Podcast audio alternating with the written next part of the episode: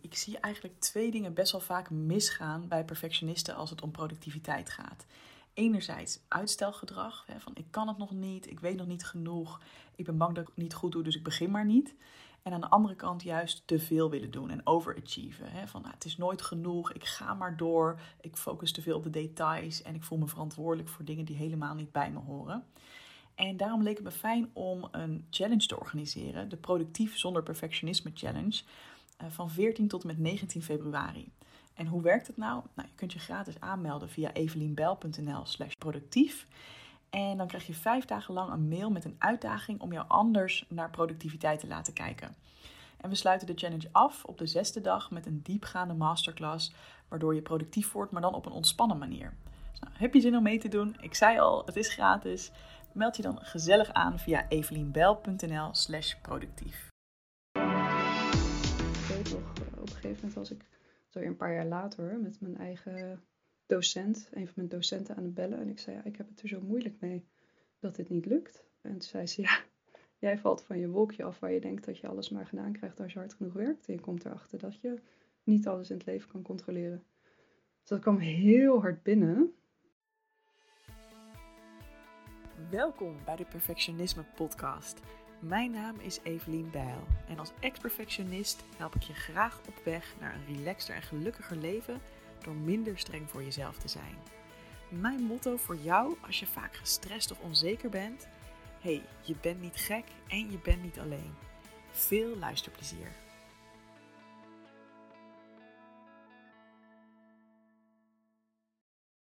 Hey, wat leuk dat je luistert naar een nieuwe podcast. En misschien denk je bij de titel wel, hmm, fertiliteit, dat is niet voor mij en ik skip deze aflevering. Maar dat zou zonde zijn, want Eigenlijk gaat dit gesprek met Françoise veel dieper dan alleen maar over vruchtbaarheid. Ja, vruchtbaarheid is de aanleiding van haar eigen verhaal van het werk dat zij doet. Maar dit is ook echt een hele interessante aflevering voor jou. Als je wel eens tegen een situatie bent aangelopen waarin je hebt gemerkt dat niet alles maakbaar is in het leven. Denk aan een burn-out, denk aan iets wat, uh, een, een overlijden in je familie of een andere lastige situatie. Niet alles is maakbaar. En hoe laat je nou de controle los in een situatie waarin je geen controle hebt? Dat is de kern van wat je uit dit gesprek kunt halen. Dus heel veel luisterplezier en graag tot de volgende keer. Ja, we zijn live met een nieuwe aflevering van de Perfectionisme Podcast. En ik heb een hele toffe en bijzondere gast voor je vandaag. Namelijk Françoise Molenaar conflictonderzoeker turned fertiliteitscoach. Wat leuk dat je er bent. Ja, heel leuk. Hier in de studio. Dankjewel. Heel leuk. Ja, wij kennen elkaar van uh, onze studentenvereniging van vroeger. En recent hadden wij contact over het onderwerp fertiliteit. Um, een paar maanden geleden was ik daarmee bezig. En in jouw podcast gaan we het natuurlijk daar ook wat meer over hebben. En ook over mijn verhaal. Maar het leek me ook heel erg tof om jouw kennis hier vandaag te delen met iedereen die misschien wel nadenkt over zwanger worden überhaupt. Die misschien wel nadenkt over een fertiliteitstraject. En, ehm, en ook hoe perfectionisme daar misschien een rol in kan spelen. Dus ik ben heel blij dat je hier uh, vandaag bent. En waar ik eigenlijk mee zou willen beginnen, je stelt jezelf ook voor, hè, toen ik vroeg van hoe mag ik je voorstellen, als conflictonderzoeker turned fertiliteitscoach. Dat klinkt als een flinke carrière switch. Vertel. Ja, zeker. En zo voelt het ook nog steeds wel hoor. Ik heb de afgelopen 15 jaar als onderzoeker gewerkt. Eerst uh, een promotietraject gedaan bij de Universiteit Leiden. En daarna nog een jaar of zes bij Klingendaal, Denktank in Den Haag. Ehm, en dat was altijd ja, heel erg in het hoofd, in de analyse, in de, de ratio. Ehm, en ik had tegelijkertijd mijn eigen vruchtbaarheidstraject. Dat heeft ook een jaar of tien gelopen. Um, waar je merkt of waar ik in ieder geval merkte op een gegeven moment, ik moet uit dat hoofd. Want ehm, ja, er gebeurt heel veel in mijn lichaam of, of, of niet. En um, ik moet daar echt veel meer in mijn gevoel zakken, in mijn lichaam zakken. Um, en daarbij kunnen zijn. en ik ben me dan ook gedurende dat traject steeds meer gaan verdiepen in hoe je contact kan maken met, met het vrouwelijke. Uh, daar kunnen we het zo een beetje over hebben. Ehm, dat was voor mij heel belangrijk. Ik merkte, ik, ik werk in een hele mannelijke wereld. Hè, onderzoek, politiek. Uh, ik ging naar conflictgebieden toe in Afrika. Nou, als iets mannelijk is, is het wel vechten en oorlog en strijd. Um, En ik merkte, ik mis gewoon helemaal de balans. Ik, ik moet die zachtheid hebben, het, met vrouwen zijn, het uh, ja, in mijn lichaam zijn. Dus ik ben daar steeds meer cursussen voor gaan doen, opleidingen ook. Ehm, en toen op een gegeven moment uh, merkte ik dat dat zo door ging werken in mijn leven, dat ik ook um, ja, mijn baan heb opgezegd. En ik zag mezelf dat doen. Ik dacht, wat ben ik nou aan het doen? Het, het, was alsof ik die beslissing eigenlijk nog niet eens genomen had, maar ik zat al bij mijn baas om te zeggen, ik stop ermee, want ja, ik merk dat ik nou in mijn eigen vruchtbaarheidstraject zoveel heb opgedaan over hoe je daar sterker in kan staan en sterker uit kan komen. Juist door die balans in jezelf weer te vinden en dat vrouwelijke. Dat ik dat nu ook uh, met andere vrouwen wil delen, graag. Geweldig. Ja. Wat een switch. En als je dan zegt van, hè, ik merkte op een gegeven moment, ik zat heel erg in die mannenwereld. Ik hield me bezig met conflict en ook hè, dat, de universiteit natuurlijk allemaal heel, research, heel erg hoofdig. Hoe, hoe merkte jij bij jezelf op een gegeven moment dat je dat vrouwelijke miste? Dus wat voor concrete dingen kan iemand die nu misschien zit te luisteren wel herkennen van oeh, ik, zit, ik, ik mis dat vrouwelijk ook in mijn leven? Ja, een hele goede vraag. Ik denk voor mezelf. Ehm, dat mannelijk-vrouwelijk dat gaat heel erg terug naar de Oosterse filosofie. Hè? Het is niet per se gender, het is niet alle mannen houden van oorlog, alle vrouwen niet. Maar we hebben allemaal die mannelijke en vrouwelijke kwaliteiten in onszelf en die moeten een beetje in balans zijn. En in onze samenleving zitten we gewoon heel erg in het mannelijke. Dus in het presteren, doelgericht, de analyse, we moeten doen. Het is heel erg actie. Ehm, en ik merkte bij mezelf, ik was alleen maar heel hard aan het werk, altijd. Um, heel erg, ik liet ook echt mijn uh, eigen waarde afhangen van mijn prestaties bijvoorbeeld. Um, en daar was gewoon een heel diep verlangen om te zeggen, ik wil niet meer zo hard hoeven leven. Ik wil dat de versnelling een beetje omlaag mag. En dat ik gewoon mag zijn. Mm. En voelen. En ja, de, de eindeloze to-do-list, om dat eens los te mogen laten en gewoon te leven. Mm. Ja. Zo, die is echt mooi. Ja. En ik herken die natuurlijk heel erg ook hè, vanuit, uh, als ik het heb over perfectionisme loslaten. Dat heeft ook heel erg hiermee te maken. En als jij dan specifiek naar jouw eigen vruchtbaarheidstraject uh, toetilt, hè, dit onderwerp, merk je, heb je daar ook zo'n switch in gemaakt? Merk je bijvoorbeeld dat je begon meer vanuit een mannelijke energie? Of hoe, hoe heeft dat zich, zeg maar, ontwikkeld? Ja, ik moet lachen, ja. Uh, ik weet nog, toen ik begon, dat is al meer dan tien jaar geleden. Ik dacht, oké, nou, ik wil het wel gaan proberen met mijn toenmalige vriend. Dan dacht ik, oké, nou dan fiets ik naar het station, daar is een ethos en dan kan ik dan foliumzuur halen. Hè? Dan, uh, dat weet ik, dat moet je doen als je zwanger wordt. Toen was ik thuis, toen dacht ik, ja nu? Ik moet toch wat doen? dat is toch hoe alles werkt. Ja, dat is de puntenlijst. Ja, ja. Dus dat was heel gek. En ik merkte ook dat ik toen al heel snel verviel in na twee of drie maanden van... Ik denk dat ik eigenlijk helemaal niet zwanger kan worden. En nu achteraf gezien denk ik, ja, dat was... Nou, ik, ik, denk niet per se een voorgevoel, maar echt het, het feit dat dit een proces is waar je geen controle over hebt. Waar je, je moet je het echt ondergaan. Het is overgave en dat was me zo onbekend. Dat het dan makkelijker was om te denken, nou, weet je, het zal bij mij wel niet lukken. Of er zal wel wat mis zijn dan had ik daar gewoon even in mee mocht bewegen en het op, het juiste, op het juiste moment kon laten komen. Ja. Was het zo ongemakkelijk om, om te voelen van ik heb hier geen controle over? Wat, wat gebeurde er dan dat je, dat, dat je die gedachte kreeg, denk je?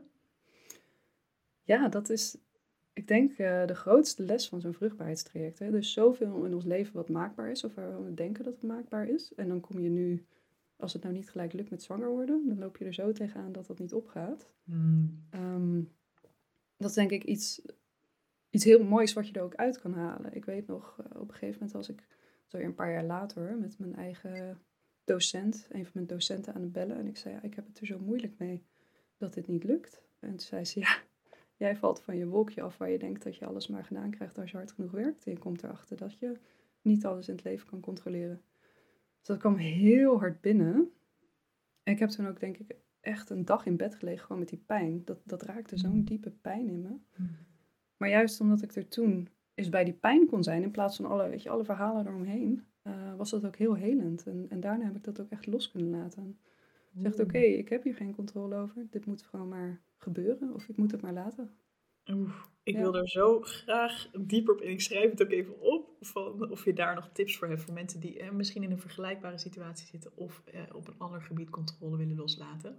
Maar ik ben heel benieuwd, want hey, je zegt al van het traject heeft uh, bijna tien jaar geduurd, of misschien wel meer dan tien jaar. Als we even fast forward doen, hè, dus je, je, had, je begon heel erg vanuit het oké, wat ga ik nu doen? Foliumzuur slikken en nu dan? Ja, uh, Waar heeft het uiteindelijk toe geleid? Hoe heeft zich dat ontwikkeld? En ja, waar sta je nu, zeg maar? Ja. Um, ja, toen uiteindelijk ben ik een vruchtbaarheidstraject ingegaan. Eerst uh, weer op super mannelijk, um, want ik moest voor mijn werk ook elke maand naar het buitenland. Dus ik had dan voor een heel jaar al mijn cyclussen in mijn agenda gezet. Want je moet altijd op dag drie en dag tien naar de kliniek. Dus dan zorgde ik dat ik dan in Nederland was en dat ik dan de week daarna kon vertrekken en dan tussendoor hormonen spuiten. En ik was ook heel boos dat ik naar die kliniek moest. Ik vond het echt, ik was heel teleurgesteld dat het niet zelf ging lukken. En ik had er allemaal oordelen over dat ik daar moest zijn. En uh, ik vond de artsen ook allemaal relaxed. Dus uh, nou, na een jaar ben ik toen ook gestopt. Ik dacht, dit, uh, dit gaat gewoon niet. Dit, dit is het niet. Als het uh, natuurlijk komt, is het mooi. En anders, ja, dan is het niet zo. Mm -hmm. um, en toen ben ik dat jaar weer heel erg aan de slag gaan met het werken met vrouwelijke. Ik heb toen ook, uh, ben ik een vrouwencirkel begonnen voor vrouwen. Dat heette toen de vrouwencirkel voor vrouwen met de onvervulde kinderwens. Wat mm -hmm. heel mooi was, maar misschien qua titel een beetje afschrikwekkend. Want dat, dat wekte wel de indruk van, ja, dat is heel zwaar. Terwijl eigenlijk, als je met vrouwen bij elkaar komt en je weet dat je dat al gemeen hebt, dan hoeft het niet per se zo zwaar te zijn. Dan was het eigenlijk gewoon heel licht en kon elkaar steunen. Um, en er was een andere een vriendin van mij, die zat erbij en die was toen bezig met IVF. En die ging daar zo makkelijk in van ja, dit is gewoon wat ik moet doen nu. En dat uh, dacht ik, oh oké, okay. nou misschien kan ik het ook uh, toch nog wel een keer proberen. Mm. Het hoeft niet zo zwaar te zijn. En toen heb ik nog wel, wat ik vaak doe, is ochtends um, een soort van journalen uit je onderbewustzijn. Dus echt freewriting. En toen heb ik ook die vraag gesteld. Ik zei, moet ik nou wel of niet IVF gaan doen? En toen het antwoord dat terugkwam was, maakt niet uit dacht ik, oh ja, ik maak het weer zo groot. En uh, ja, voor mij was dat echt een, te een, een, teken van je kan het ook gewoon proberen. En toen ben ik erin gegaan, dat traject, en ik dacht, um, nou, ik ga er niet in met het doel moet zijn, ik ga zwanger worden, want dan uh, leg ik er weer heel veel druk op. Ik ja. ga dit gewoon proberen, want dat maakt toch niet uit. Maar wat ik me wel voorneem is dat in dit traject ga ik zorgen dat ik er niet zoals vorige keer helemaal um, uitgeput uitkom. Dus ik ga op heel veel vlakken, en dat is nu ook iets wat ik vrouwen meegeef. Ik ga in het ziekenhuis heel, of in de kliniek heel helder mijn eigen grenzen aangeven. En mijn behoeftes ook aangeven. En zeggen, joh, um, een van de dingen die ik nu altijd meegeef aan andere vrouwen is als je bijvoorbeeld inwendig onderzoek hebt. Als je het vraagt, kan je vaak zelf alle instrumenten inbrengen, zodat het al een stuk minder intrusief is. Ja. Intrusive, intrusief, ja. Um, en ik vroeg ook altijd van, joh, mag ik even de tijd voordat we gaan beginnen om gewoon even te ontspannen? Want ja, in mijn gevoel was het toch wel van als je wil zwanger worden, moet je kunnen openen. En als je ergens ongemakkelijk ligt en iemand gaat allemaal dingen bij je naar binnen stoppen, dan ga je natuurlijk juist verkrampen. Dus ik, uh, ja, ik was in het ziekenhuis heel erg op zoek naar hoe hou ik het nu? Hoe, zorg ik dat ik daar zonder pijn of, of, klachten uitkom? Maar ook in mijn eigen leven. Ik heb bij mijn baas nu gezegd, joh, um, ik werkte altijd uh, als projecten omvielen als ik degene die s'avonds in het weekend doorging. Zei, ja, ik stop daarmee. Ik, uh, ik ga nou niet allemaal hormonen spuiten en dingen doen en dan dat ja, weer te niet doen door zoveel stress op werk. En toen bleek opeens dat we ook consultants in konden huren voor dat soort dingen. Ja, dus uh, echt zelfzorg en ook weer het contact met andere vrouwen. Ik heb gemerkt hoe belangrijk het is om. Bij mij is dan, was het één keer in de maand of één keer in de drie weken om samen te komen in het weekend met andere vrouwen. En echt even ja, ervaren. Niet, niet per se over fertiliteit ging het hoor, maar gewoon in het vrouw zijn, in zo'n vrouwencirkel te zitten en even te kunnen zeggen wat je op je hart hebt en je gewoon gesteund te voelen. En ik weet ook nog toen ik voor mijn um, eicel um, harvesting, hoe noem je dat in Nederland? De punctie. Ja. Punctie, ja. Naar het ziekenhuis ging, dat was op, op hetzelfde moment was er een cirkel gaan en hebben daar tien vrouwen een visualisatie gedaan waar ze mij zagen, helemaal mooi zwanger en groot. En het voelde zo bijzonder dat je er niet meer alleen in gaat, maar, met die steun van al die mensen. Hmm. Ja, dus um, ik hou altijd een beetje in het midden of ik wel of niet zwanger geworden ben. Ik kan het wel vertellen, maar um, ik ben altijd bang dat het dan weer een verhaal wordt van wat moet je doen om zwanger te worden. Hmm. En um, alles wat ik nu doe gaat er juist om wat kan je doen in zo'n traject om goed voor jezelf te blijven zorgen. Anders wordt het toch weer een extra to-do, weet je wel. Oh ja, ik moet goed voor mezelf zorgen, want dan word ik zwanger. Ja. ja. Snap ik, snap ik. En tegelijkertijd is het natuurlijk wel het einde van jouw verhaal. dus als je het zou willen delen, we kunnen het er ook uitknippen ja. als je denkt, nee, dat echt niet. Maar... Nee, ik had het delen, ja. Ik heb uh, nu een heel, heel lief zoontje. Ja, zoontje van één. Dus de IVF was in ons geval succesvol. Ja. ja, heel mooi. En het is, het is misschien de bekroning op alles, maar wat je zegt, het is niet ehm, het enige eindresultaat waar mensen misschien naar zouden mogen streven hè, in zo'n traject. Dankjewel uh, voor dit mooie, mooie verhaal. En ik, ik, zie er ook zoveel mooie elementen in waar ik graag nog ja, wat verder op in zou willen zoomen, als dat goed is. Ehm, wat ik al jou hoorde zeggen is, uh, een van de dingen die jij benoemde, die jou heel erg heeft geholpen, is om jouw eigen grenzen heel duidelijk aan te geven in dat traject. Dus in het ziekenhuis gebeuren er verschillende dingen um, waar jij misschien in jouw eerste IVF-poging, maar gewoon als een, hè, dat, leidzaam onderging. Wat ik me ook heel goed kan voorstellen, want je bent bij een autoriteit, hè, dan heb je het gevoel, artsen, misschien wel verpleegkundigen. Ehm, hoe heb jij dat voor jezelf Ehm, hoe heb je dat aan jezelf verteld dat je dat mocht doen? Hoe, hoe heb je jezelf toestemming gegeven om die grenzen aan te geven en jouw behoeften aan te geven? Hmm, ja, ik denk dat ook daar weer dat vrouwenwerk op komt. Um, mijn, het was niet de IVF de eerste keer, het was de inseminatie, dus IUI. Ja, ja. nee. Ehm, en ik kwam daaruit met pijnklachten. Door die eendebek um, was ik helemaal verkrampt op een gegeven moment. En ik had die pijnklachten gingen ook niet meer weg. En ik ben toen terechtgekomen bij uh, een hele bijzondere dame, Daphne van der Putten heet ze. En zij heeft een techniek ontwikkeld, dat heet Integral Pelvic Therapy. Um, en dat is eigenlijk een soort fysiotherapie voor je bekken en voor je vagina. Zo noem ik het altijd maar. En wat zij heel mooi kan, is werken met dat gebied. Um, met volle aandacht en ook met vol consent. Dus voordat zij iets doet, ze altijd niet alleen vragen aan jou van is het goed als ik je nu aanraak? Of ik ga je nu aanraken, is dat oké? Ehm, maar ze zal het ook echt voelen van oké, bij die persoon die hier nu ligt, voel ik dat hij echt helemaal klaar is om aangeraakt te worden. En toen ik dat, eigenlijk dat licht had gezien van zo kan het ook, wist ik ook, ik wil eigenlijk niet meer terug. En toen ik daarna weer in het ziekenhuis terecht kwam en wist dus van hé, hey, dit is wel een keuze, hè, hoe we hier met vrouwen omgaan. En dat we maar denken, dit is het ziekenhuis, dus daar hoeft geen... Uh, daar is, hoeft geen aandacht te zijn voor ontspanning. Of uh, we doen maar gewoon alsof het super technisch is en, en, klinisch. Want je zit wel in iemands vagina en dat is natuurlijk anders seksueel of zo. Ja, er zit een soort kramp in. En ik merkte, ik wil dat niet meer. Ik wil gewoon dat mijn vagina, mijn bekken met, met alle respect behandeld wordt. Um, ik wil dus kunnen ontspannen. Ik wil het liefst zelf dingen inbrengen. Het kan ook niet altijd. Ik weet nog voor mijn, voor mijn IVF, dat was voor de punctie. Dan werd ik op een gegeven moment schoongemaakt tussen mijn benen. Dat was net of iemand met een poetslapje even de wc aan het stroppen was. Dat ik ook dacht, nou, kan dat niet iets respectvoller, echt, hè? Mm. Het is niet de vieze snoet van een kind, het is wel mijn vagina. Maar ik snap dat er heel veel awkwardness zit, heel veel ongemak. Of, of we willen het niet ongemakkelijk maken, dus doen we maar net alsof er niks... Uh, doen we het een beetje achterloos. Ja.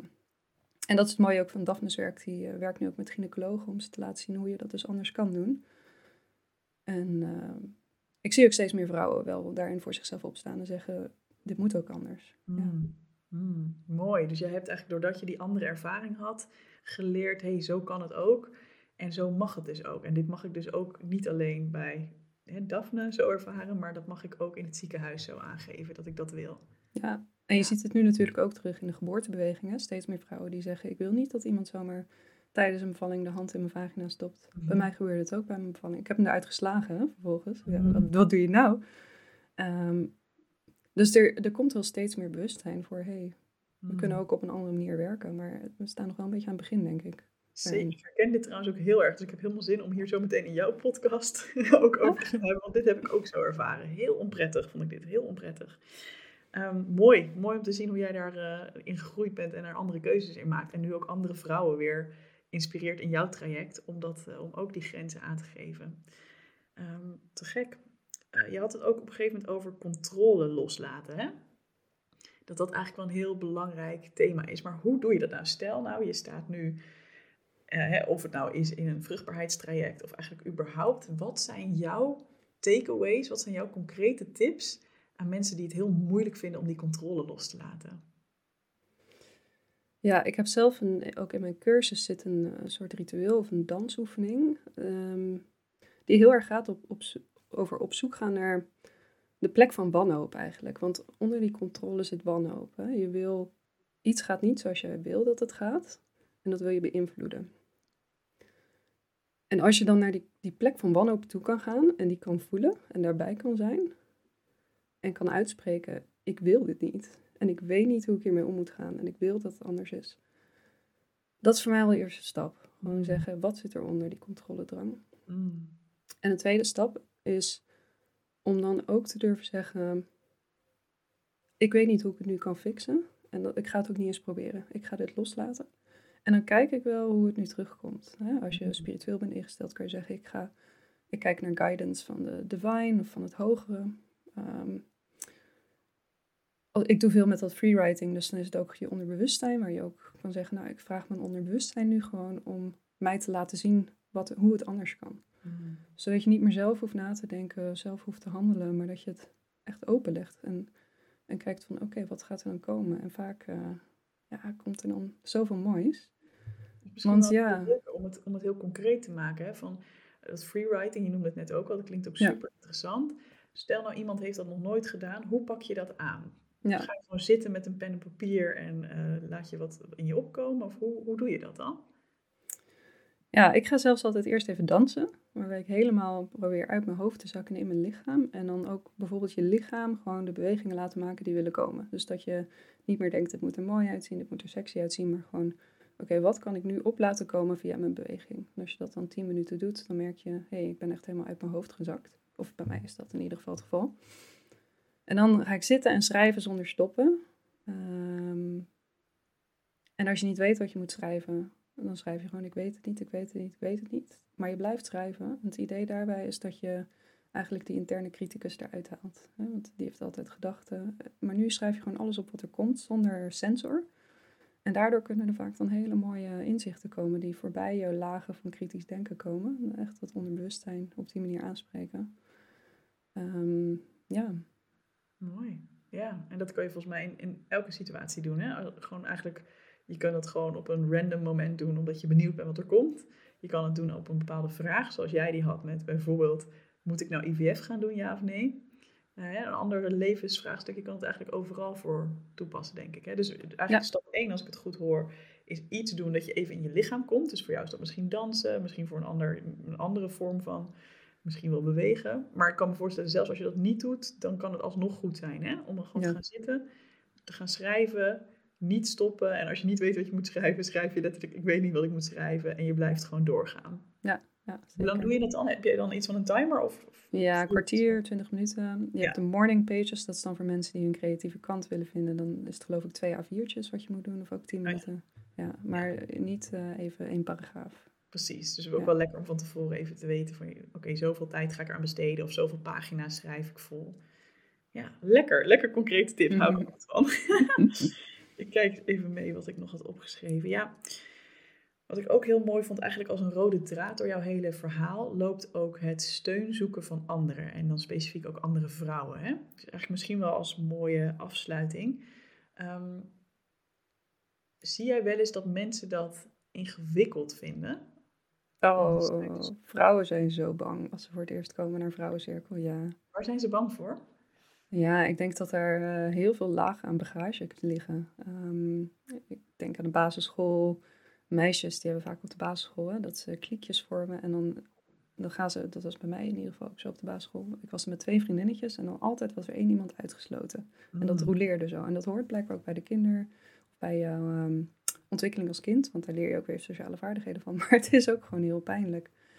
Ja, we kennen het roddelen van vrouwen, jaloezie. Um, vrouwen, onze generatie misschien niet meer zo, maar mijn moeder had het vaak over de vrouwen op de topmanagementplekken die dan andere vrouwen klein hielden. Dus, um, en je kan het nog groter trekken. Ik heb net een heel mooi boek gelezen over heksenvervolgingen. Um, de heks van Limbricht van Suzanne Smit. Heb ik ook gelezen, ja. Nou, daar heeft het natuurlijk ook over wat het doet met vrouwen in een maatschappij waar je niet gezien mag worden. Hè? Of waar je je niet mag laten horen en waar ook altijd gevaar staat. Bestaat dat als jij je uitspreekt en je wordt gemarteld, weet je, dat je weer andere vrouwen noemt. Ehm, dus dat het steeds gevaarlijker wordt voor vrouwen in de maatschappij om ook bij elkaar te komen. En die angst, zo grappig. Toen ik dat boek las, dacht ik, ik weet nog, toen op de studentenvereniging, toen wij op een gegeven moment een groepje vrouwen begonnen. Dat waren dan de, de vurige fakes, het vrouwengenootschap. Nou, daar kwam pushback van mannen op enorm. Ja, die vonden dat heel bedreigend. Die hadden het idee als we nou die vrouwen allemaal bij elkaar laten zitten. Ja, ik weet niet, dat ze dan over ons gaan praten of zo. Maar mannen vonden dat echt heel onprettig dat wij als vrouwen bij elkaar gingen komen. Dus ja, er zitten allemaal lagen. Buitengesloten, zou dat kunnen zijn? Ja, zou kunnen. Ja, het, het voelde voor mij op dat moment als ze vinden het echt eng. Heel eng. Als vrouwen samenkomen, dan is dat... Dat weet je niet, uh, ja. ja. Interessant ook wat je, dat je dit aanhaalt van de heksenvervolging hè, van vroeger. Wat voor mijn gevoel zit dat ergens nog in heel veel mensen hun DNA, ons DNA op een bepaalde manier, of in de overlevering, misschien niet in DNA, maar op een andere manier, in ons onderbewuste, collectieve onderbewustzijn. Van ja, dat als vrouwen samenkwamen, dan werd dat vroeger daadwerkelijk gezien als een, een bedreiging van misschien wel de macht, hè, van de status quo.